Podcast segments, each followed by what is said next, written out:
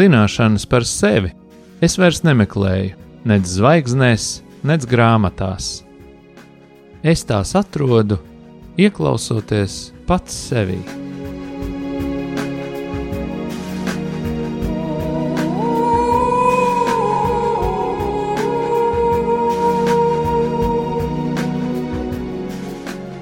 Raidījums Mīlestības terapija top mīlestības mājai, sadarbojoties ar profesionālo pastorālās konsultēšanas asociāciju. Sarunas par sevi, dzīvi, psiholoģiju un dvēseles terapiju.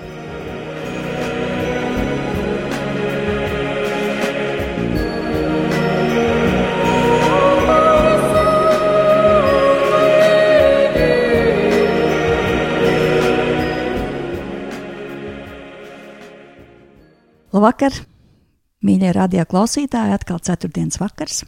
Raidījums mīlestības terapija pie jums, jūsu mājās, jūsu dzīvēs galu galā. Un mēs šovakar gribam pacelt tēmu drosme būt pašam, tam, kas tu esi, atklāt sevi, atklāt patiesību par sevi.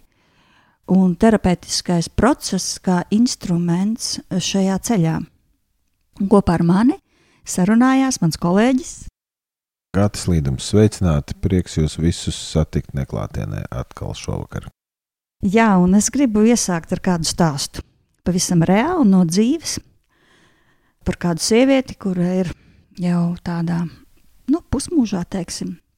Un viņa ir pavadījusi ļoti daudzus gadus, principā kopš bērna piedzimšanas, kopā ar slimu bērnu ar ļoti nopietniem veselības traucējumiem, un viņi ir ārkārtīgi daudz ieguldījuši. Viņa, tas nav vienīgais bērns. Tad, tad viņi ir ļoti daudz ieguldījuši šajā savā bērnā. Šis bērns ir pilngadīgs šobrīd, jau virs 20.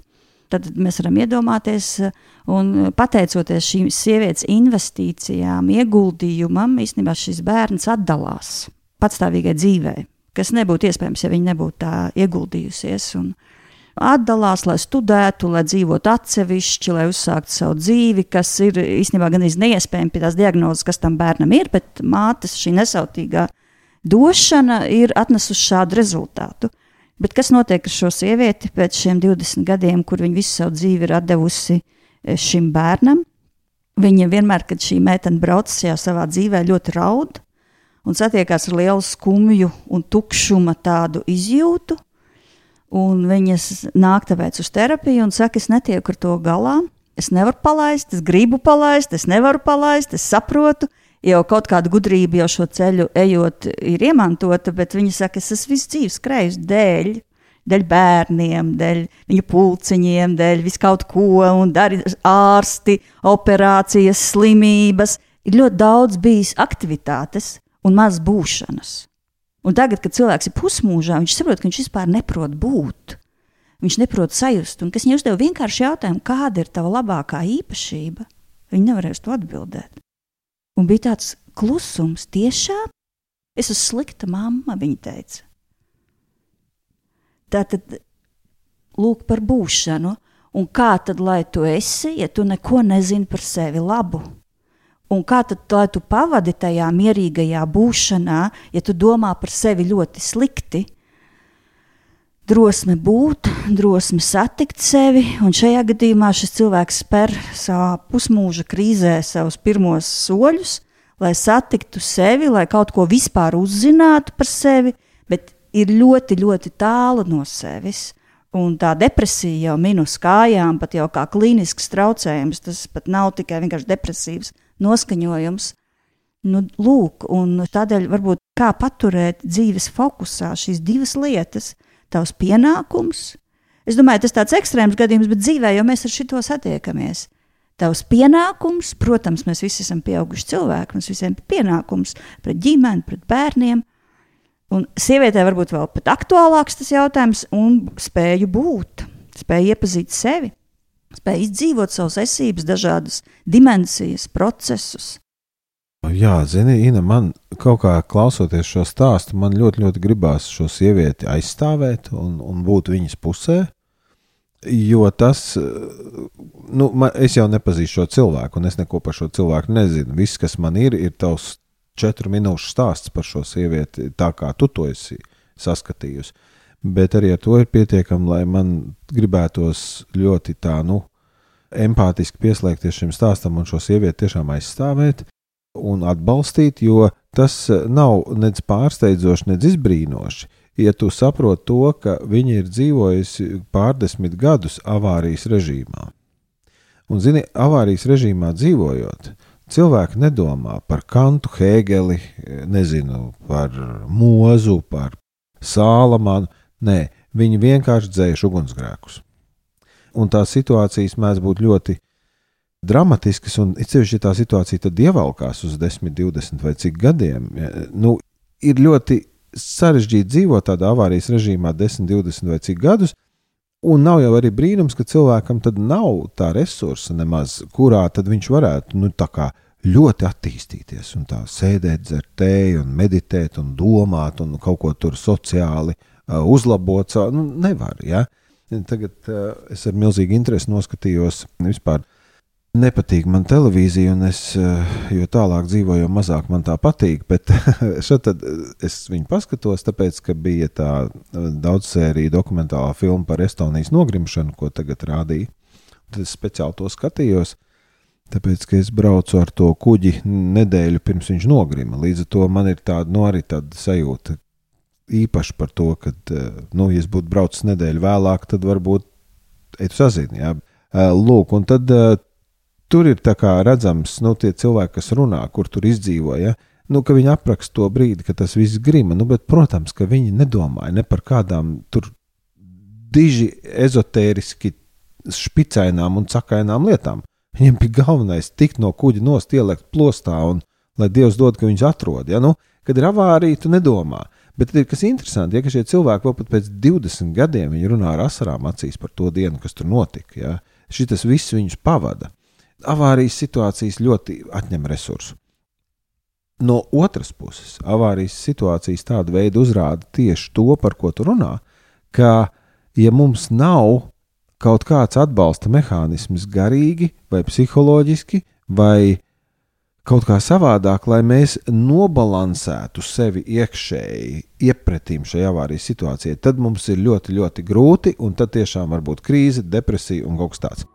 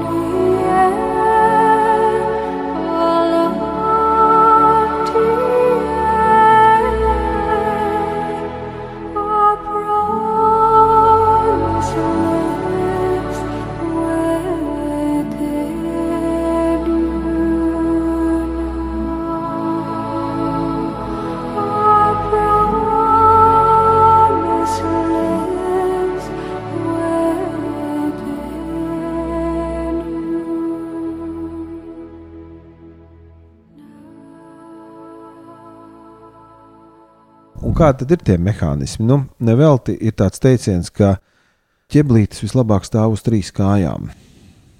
Nu, vai teiksim tā, viņš vispār sāk stāvēt, sākot no trīs kājām, jā, varbūt arī četras vai piecas, bet viņš sāk stāvēt sākot no trim kājām.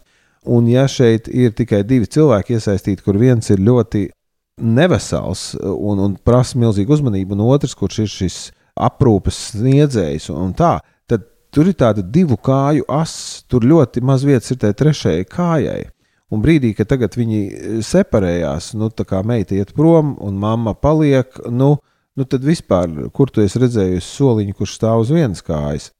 Nu, bāra krēsli varbūt, bet tur tā kāja savādāk. Ja? Tas ir ļoti grūti, ja tā kā viņa ir dieva un viņa ir viena, un tas nestāv nekā. Un tad, kas būtu tas stabilizējošais elements, ka tomēr cilvēkam būtu pareizi, lai cik grūtā situācijā viņš ir, tīpaši tā ir ilglaicīga situācija, viņam būtu sevi jācenšas iepazīt godīgi ar visiem tarakāniem, blaktīm un visu pārējo, mēģinot sevi ieraudzīt no malas, kā viņš šajā situācijā funkcionē nu, smalki filozofiski to sauc par cilvēka spēju būt vienlaicīgi gan subjektam, gan objektam. Kad cilvēks vienlaicīgi kā subjekts stājās kaut kādās attiecībās vai, vai sāk kaut ko darīt, un nereti nelaimes ceļās no tā, ka cilvēki ir tikai subjekti. Nu, es tagad būšu, nezinu, vīrs vai sieva vai aprūpētājs tur vai kaut kas tāds, ja, vai vecāks, un tagad es tāds būšu un viss. Ja. Un tad viņi ļoti bieži avarē kādā brīdī, un tad viņiem ir grūti sākties. Bet tā spēja būt subjektam un objektam vienlaikus ir tāda ļoti palīdzoša lieta, ka cilvēks saka, labi, es tagad būšu sieva, vīrs vai vecāks, un vienlaikus es sevi vērošu kā objektu no malas. Kāds tad es esmu, sieva, vīrs vai vecāks? Nu, kā man sanāk? À, nu tā, ok, šis ir labi sanācis, šis ne tā, to šito varētu pamainīt. Ja? Es vienlaikus daru un vēroju sevi, un tā, tā ir tāda izaugsmes atslēga, ka es skatos, kā man sanāk. Es dodu sev atgrieznisko saiti pats, un to cilvēks var izdarīt. Vienkārši bieži avārijas situācijā atrodoties, mēs par to tā kā nedomājam. Un es atgriežos pie tā Estonijas stāsta, ja nu, diez vai tie cilvēki, kas tur naktas melnumā glāba savu dzīvību, kā nu varēja, vai nu viņi tik ļoti spēja būt gan subjekts, gan objekts un paskatīties no malas, ah, nu redz, kā es sevi tagad glābju, man vajadzētu peldēt ātrāk. Nu, nē, jā. Tā tad, nu, bet, bet vienalga tas neatceļ, ka tā būtu pareizi. Ja? Un es domāju, ka, ka šīs konkrētās uh, dāmas gadījumā te, te ir tas, ka viņa ir bijusi tik ļoti kā subjekts iekšā tajās attiecībās ar savu aprūpējumu bērniņu, ka viņai nekad nav bijis pat prātā ienācis, ka viņa varētu uz sevi jau laicīgi skatīties no malas. Kā man sanāk, kā man iznāk, ko es varētu, ko es nevarētu, kā es par to jūtos. Ja? Nu, tāds normāls psihi psiholoģiskās higiēnas ikdienas process. Un tad, ja viņa tā būtu darījusi pie šīs separācijas, viņai būtu nesalīdzinām vieglāk. Viņa varētu turpināt sevi vērot no malas, kā viņi separējās, kā viņi to pārdzīvo, kā viņi par to bēdājās, kā viņai tas faktiski iznāk diezgan labi šādi tad un tā. Un šajā vērošanas procesā viņai viņa ļoti veikli tam varbūt tikt pāri un varētu pārslēgt režīmu uz dzīvošanu vienai. Un, un, nu, tagad ir nākamais dzīves posms, nu kā ir tukšā līgsta. Mēs to pazīstam ja, ģimenes psiholoģijā, kad ir tukšās līgstas sindroms, kad bērni pieaug un aiziet tad vecākiem ir psiholoģisks izaicinājums, kā viņi tiks pāri tam faktam, ka līgsta ir tukša. Tad viņiem tas ir kaut kā jāvar. Vai arī, ja viņi nevar, tad kaut kas tur sabrūk tajā sistēmā. Nu tā. Nu jā, īsāk sakot, diviem vārdiem. Nevajag uh, būt pārlieku lielam varonim. Vajag atrast spēku, saņemt atbalstu, un viens ir šis objekts, subjekts, bet otrs ir vienkārši cilvēcisku atbalstu cilvē, cilvēcisku apstiprinājumu, cilvēcisku blakus būšanu, tas ir milzīgs resurs. Tā būšanā kopā, ja kā, ar kādu kopā tu esi uz viena viļņa, kādā ļoti smagā lietā, tā ir ļoti liela atbrīvošanas arī atslēga. Un tādēļ vajag ļauties šim kopā pārdzīvojumam, šim kopā ceļam, un tās ir rūpes par sevi. Jo tajā brīdī, kad kāds veids varoņdarbu, un īstenībā šī sieviete paveica varoņdarbu, Viņi paveic varoņdarbu, tā arī mēs to varam saukt. Un mēs daudz cilvēki dzīvēs savās paveicam varoņdarbus, lielus varoņdarbus. Tad gudri ir parūpēties par sevi, lai tev ir kaut kur, kur paņemt spēku kādos brīžos, lai nepazūd šis treniņš būt, treniņš sevi just, treniņš atrast savus resursus, gal galā vienmēr atkal un atkal no jauna. kādās situācijās. Tas ir jāmācās pašam, protams, katram, bet tajā pašā laikā šīs rūpes par to, ka ir kāds, kas ar tevi ir uz viena viļņa, kas ar tevi ir kopā, kuram rūp, kuram ir svarīgi, kurš tev var atspogļot arī šo subjektu, objekts gal galā, kur jūs kopā varat to meklēt. Tas ir nu, ļoti vērtīgi, tas ir sev palīdzoši, un tad mēs neesam tādi varoņi pēdiņās, mēs esam gudri varoņi. Mēs izcīnām lielas cīņas, bet mēs rūpējamies par to, kas ir aizmugure. Absolūti tev piekrītu. Man ienāca prātā, klausoties tev vienu filmu, ko es eh, pirms kāda laika redzēju. Un es tagad īsti nevarēšu pateikt latviešu, kā viņi saucās, bet arī nevajag, jo es te nenodarbojos ar kaut kādu kino reklāmu. Bet nu, filma bija tāda, ka tur bija Tad nopietni, nopietnas gabals, tur, tur, tur traģiski notikumi bija notikuši tajā filmā, un, un tad uh, filmā jau tuvojoties beigām, tur bija viens vīrietis, kurš bija kā, a, viņi, divi vīrieši, bet viņi abi bija iesaistīti šajos notikumos, bet katrs no savas puses, bet viņi abi bija labie. Un viņi bija tikuši galā ar sliktajiem, bet tur arī daži labie bija gājuši bojā un tā. Un, un tas viens tur sēž, un, un uh, nu, var redzēt, ka viņam ļoti, ļoti slikti. Un tas otrs piebrauc, izkāpj ārā, piesēžās viņam līdzās. Un, uh, tad tas dialogs ir apmēram tāds: nu, sveiks, nu, kā? Un otrs, ne, ne, nekā. Tūlīt, nu, tā kā domāju, varbūt izdarīt vēl pēdējo soli kaut kādu. Un, un kaut kā viņi tur pāris tādus vārdus izmaina, un, un tas viens tam otram saka, viņš ir klausies. Tu būtu mieru vienkārši pasēdēt man blakus un neko neteikt. Tas otrs saka, jā, to mēs varam. Viņi vienkārši ap divi sēž klusējot kaut kādu brīdi. Nu, tad tur vēlāk tā saruna atkal turpinās. Bet šī ideja, ja, ir absolūti taisnība, ka tas, ka tas atslēgas faktors ir, ka kāds ir blakus. Tad tur tev ir pilnīgi taisnība. Taču otrs, kas manuprāt ir arī ārkārtīgi spēcīgs un arī terapeitisks, mēs par to runājam savā sesijās ar saviem klientiem, ir pateikt, ko tu no šīs klātbūtnes gribi. Tas ir nenormāli svarīgi jā, es, man patīk, ka tu man esi klāt, man vajag tevi šeit klāt, bet es gribu, lai tu sēdi un klusē. Tu to vari? Un tad ir otram jābūt, nu, tas dos to pārbaudi, ja, vai, vai viņš ir īsts draugs, vai viņš ir braucis vienkārši plāpāt, jo viņam vajag ar tevi papļāpāt, vai viņš ir braucis tāpēc, ka viņš grib būt tev klātesošs. Tad viņš var arī paklusēt. Jo šis ir par to, ko tev vajag šobrīd. Ja? Tad pateikt, ko, ko man no tiem apkārtējiem vajag. Un tā ir tāda liela, liela lieta un liela daļa šajā stāstā, bet cilvēki bieži vien to aizmirst. Jo varbūt kautrējās, varbūt neiedomājās. Bieži vien tas arī ir paša pašnovērtējums, kurš klibo, nu kā tad es te kādam kaut ko prasīšu, labi, ka vispār te kāds ir tā. Nē, absolūti nepareizi. Ir jāprasa. Ja tu gribi, lai ar tevi runā, saka, jā, lūdzu, es šeit, un, zini, palas man priekšā pasagrāmatu jā, mums te abiem 45, 50, ja, bet es gribu, lai tu man palasi pasakas priekšā. Tu vari? Un tas ir pilnīgi ok. Vai arī es gribu, lai tu šeit pasēdi un paklusē. Mēs varam paskatīties pa logu, kā lapas krīt. Vienkārši kāds divas stundas pasēdēt, lūdzu.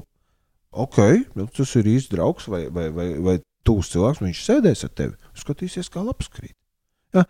Un tu dabūsi to, ko tev vajadzēja tajā brīdī. Ja? Tā, tā ir tā trešā kājas, ko tas ķeblītis stāv tie cilvēki sasaista ar citiem cilvēkiem, jo cilvēks nav vientuļš sāla, ja, un visi šie vientuļnieki, kas sēž pa kaut kādām malām un kaut ko tur darās un ņemās, ja, nu, lai viņiem laba veselība, bet psiholoģiski tas nav tas veselīgākais, ko cilvēks var darīt. Tur varbūt jābūt īpašai dāvanai vai aicinājumam, bet viņi izkrīt no normalitātes šie cilvēki. Ja.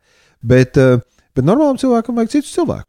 Bet viņam arī otrs ir jāpasaka, ko viņam vajag no šiem citiem cilvēkiem. Nevis vienkārši viņš te ir. Nu, to ir par maz.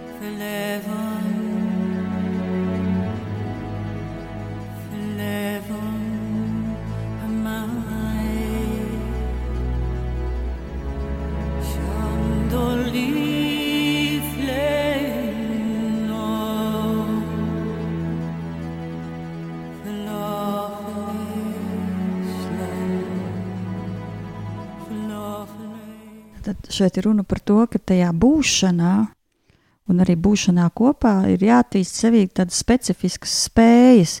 Varbūt tādas spējas, kuras eh, nevar attīstīt, esot viens tajā alā. Jo tu jau varbūt kaut kur iepinies tajos pinekļos, ko paša smadzenes, paša psihe, paša ķīmija, neiroķīmija un tā tālāk, visdažādākie aspekti ar tevi izdara.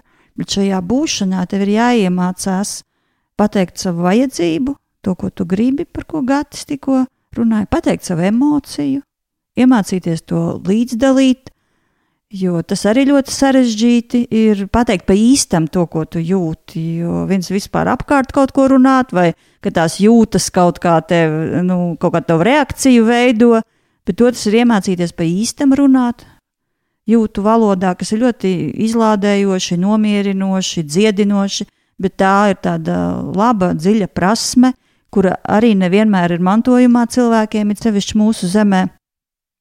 Šī spēja paklusēt, galu galā un sadzirdēt otru un apstāties, tā jau ir specifiska spēja. Vispār sadzirdēt tā otra cilvēka vajadzību. Tā ir ļoti specifiska spēja, jo varbūt kaut kādā ikdienas līmenī, tavā ģimenē, tu vari teikt, paklusē ar mani pasties lapas, bet tas otrs man nesadzird, viņš nenotver, viņš pasaka, ka tas nav tik svarīgi vispār, tā, tā arī ir specifiska spēja. Un tie būšana prasa nu, tādu ļoti dziļu mācīšanos. Es varbūt uz to gribētu uzlikt akcentu, jo tajā brīdī, kad tu paliec šajā tukšumā ar sevi, tu sāc mācīties. Man ir tāds liels prieks, ka tu uh, pateici šo lietu, ka viena lieta ir spēt pateikt, bet otra lieta ir spēt sadzirdēt. Un, un tagad mēs mazliet aizējām tādā blakus tēmā, bet šis ir ļoti svarīgi, jo, jo tu arī paspēji pateikt, nu, ka pie mums īpaši tas tā ir. Ja, tā, mēs esam tādi baigi nežēlīgi pret sevi. Mēs tā ļoti bieži sakām, nu, jā, tādi jau mēs esam, tad jau viss klusē un neko nerunā un nevar saprast. Kas ir daļēji taisnība, un, un tā ir. Ja? Bet, zini, ir tā, tas otrs, ko tu šobrīd uzrunāji un izcēli, un varbūt tā var būt tēma vēl vienam raidījumam kādreiz. Ja? Tā spēja sadzirdēt un saredzēt. Ja? Tā īstā gudrība, teiksim tā, ir liela gudrība spēt nokomunicēt vai pateikt, kas ar tevīm ir un ko tev vajag. Bet otra lieta ir saredzēt, ka tas otrs jau tev kaut ko komunicē. Varbūt bez vārdiem, varbūt ar darbību, varbūt ar kaut ko. Ja? Zini, es laukos kādreiz redzu, kā blakus sētā man kaimiņš malku cērt. Un viņš ir tāds kluss cilvēks. Viņš tā neko, bet no tā, kā viņš to dara, es varu pateikt, kāda viņam šodien ir diena. Vai šī ir labā diena vai sliktā diena. Ja? Nu, tā kaut kā, ja? un, un uh, tad man jādomā, kā izskatās, kad es pats malku cērtu. Ja? Es arī kaut ko rādu vai izstaroju, bet, nu, vai kāds to pamanīs, nu, nu nezinu, kāds pamanīs, kas nē. Ja? Bet tā, tā spēja pamanīt, ja? Jo patiesībā arī tad, kad cilvēks klusē, viņš nenormāli daudz pasaka. Vai tur ir kāds, kurš to uztvēra? Un tas ir tas lielais trūkstošais, manuprāt, mūsu tā, tā kā tajā etosā, nu, tāds vārds smalks, nezinu, vai viņš te der. Bet eh, jā, mēs bieži vien nemākam ļoti tā vārdiski skaisti ieteikt un pateikt, bet mēs jau sakām kaut kā, kā mēs mākam. Tā grūtība ir, ka mēs neesam iemācījušies pamanīt. Jo man liekas, tā vēsturiski mēs esam vienmēr bijuši katrs pats ar savām nelaimēm un krenķiem tā noņēmušies, ka kur tad tur vēl otram skatīsies? Tur, ai, man jau pašam savējais pietiek. Varbūt tur ir tāda antropoloģiska tā, tā, tā mainīgā lieta, kas varbūt nav tik laba. Nu, lūk, Un, tā kā jā, komunicēt ļoti svarīgi, bet spēt dzirdēt un redzēt, nu, tā kā būt arī tam objektam, kurš, kurš tā kā, tā kā es sev vēroju, kā, kāds es esmu. Ja? Nu, tā, tad, tu, pie sevis to var attīstīt, un tad tas uz citiem arī pāriet. Man ir prātā viena tāda man uh, mīļa uh, bērnu grāmatiņa, ko uh, mans tēvs mantoja no sava tēva, un es arī to grāmatiņu mantoju. Tā ir tāda agrīno miera laiku grāmatiņa, tur uh, krietni pirms otrā pasaules kara izdota. Grāmatiņas nosaukums ir Peiks. Tas ir pa mazu puiku. Fantastisks grāmatiņa. Un tad Peikam labākais draugs ir uh, Važonis Ondursens. Cilvēks, kurš brauc ar zirgu un kulbu pa pilsētu. Un tad viņiem ir tādi īpašie brīži, Peikam un Ondursenam, kad viņi stāv uz tilta, spļauj ūdenī un vēro, kā izplatās riņķi ap ūdenī iekritušo spļaudekli. Un tas ir tas, kur viņi ir kopā. Ne? Tur daudz kas tiek pateikts, bet faktiski tur nekas netiek pateikts. Tā ir tāda ziemeļ, ziemeļnieku drūmā dzīves lieta. Bet viņi kaut ko abi jūt par šito. Peikam patīk tas kučieris, un tam kučierim patīk tas mazais puika. Un viņi kaut kā kopā tur tā baigi forši spļauj ūdenī un skatās, kā tie riņķi izplatās. Un uh, viņi kaut ko pasaka viens otram. Tā kā tā spēja sadzirdēt un saredzēt pat no neredzamām lietām ļoti svarīga lieta. Atkal, kā to var trenēt, ka es vēroju sevi attiecībās, bet arī, ka es esmu drošs dzirdēt no citiem, bet arī prasīt viņiem. Un tajā miedarbībā jau šī spēja atnāk. Jā, nu, drosme būt, un tur laikam blakus stāv bailes būt, un tur pa vidu ir kaut kāds ceļš. Un šīs bailes būt droši vien veidojas kaut kur no bailes kaut ko satikt sevī, un tas traucē izrādās satikt citus, kā mēs te varam secināt no tā, ko mēs te runājam. Un drosme būt savukārt ir dziļa sevis satikšana, sevis izjušana, sevis redzēšana, sevis dzirdēšana, sevis mīlēšana un cienīšana un iepazīšana. Visas šīs lietas e, mēs varam piedzīvot tad, kad mēs apstājamies ar sevi, kas nevienmēr ir vienkārši, bet tas dod milzīgu resursu vai priekšnosacījumu tam, ka tu varēsi satikt to otru. Viņu just, viņu dzirdēt, viņu pamanīt, neatkarīgi no tā, vai tas ir tavs bērns, vai tas ir tavs vīrs, vai tas ir tavs kolēģis. Vai, nu, ja mēs runājam par terapeitisko platformu, tad tu kā terapeits satiec citus cilvēkus. Un tik kvalitatīvi, cik tu esi spējis satikt pats sevi. Un kā ierasts, noslēgsim šo mūsu sarunu ar eh, lūkšanu lūksim par šo spēju būt.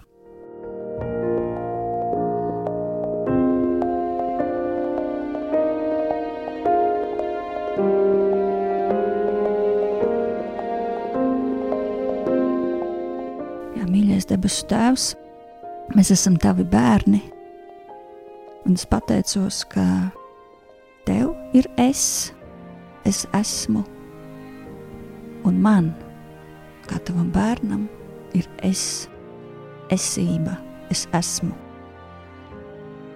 Es tev pateicos, ka šī esība ir dziļa, un ka šis esības ceļš var ilgt visa dzīves garumā. Palīdz man nonākt uz šī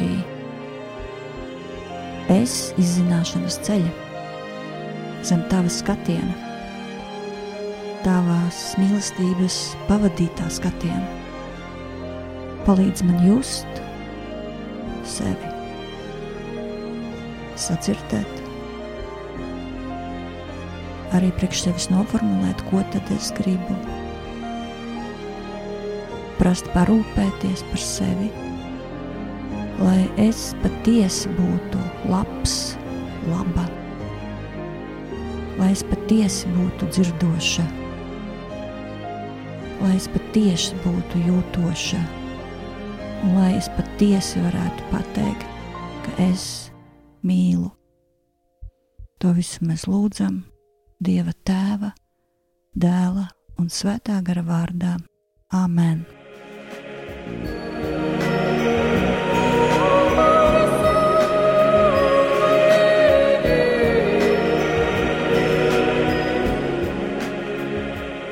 Jūs klausījāties raidījumu mīlestības terapija. Raidījums var noklausīties Radio Marija mājaslapas arhīvā un YouTube kanālā Mīlestības māja.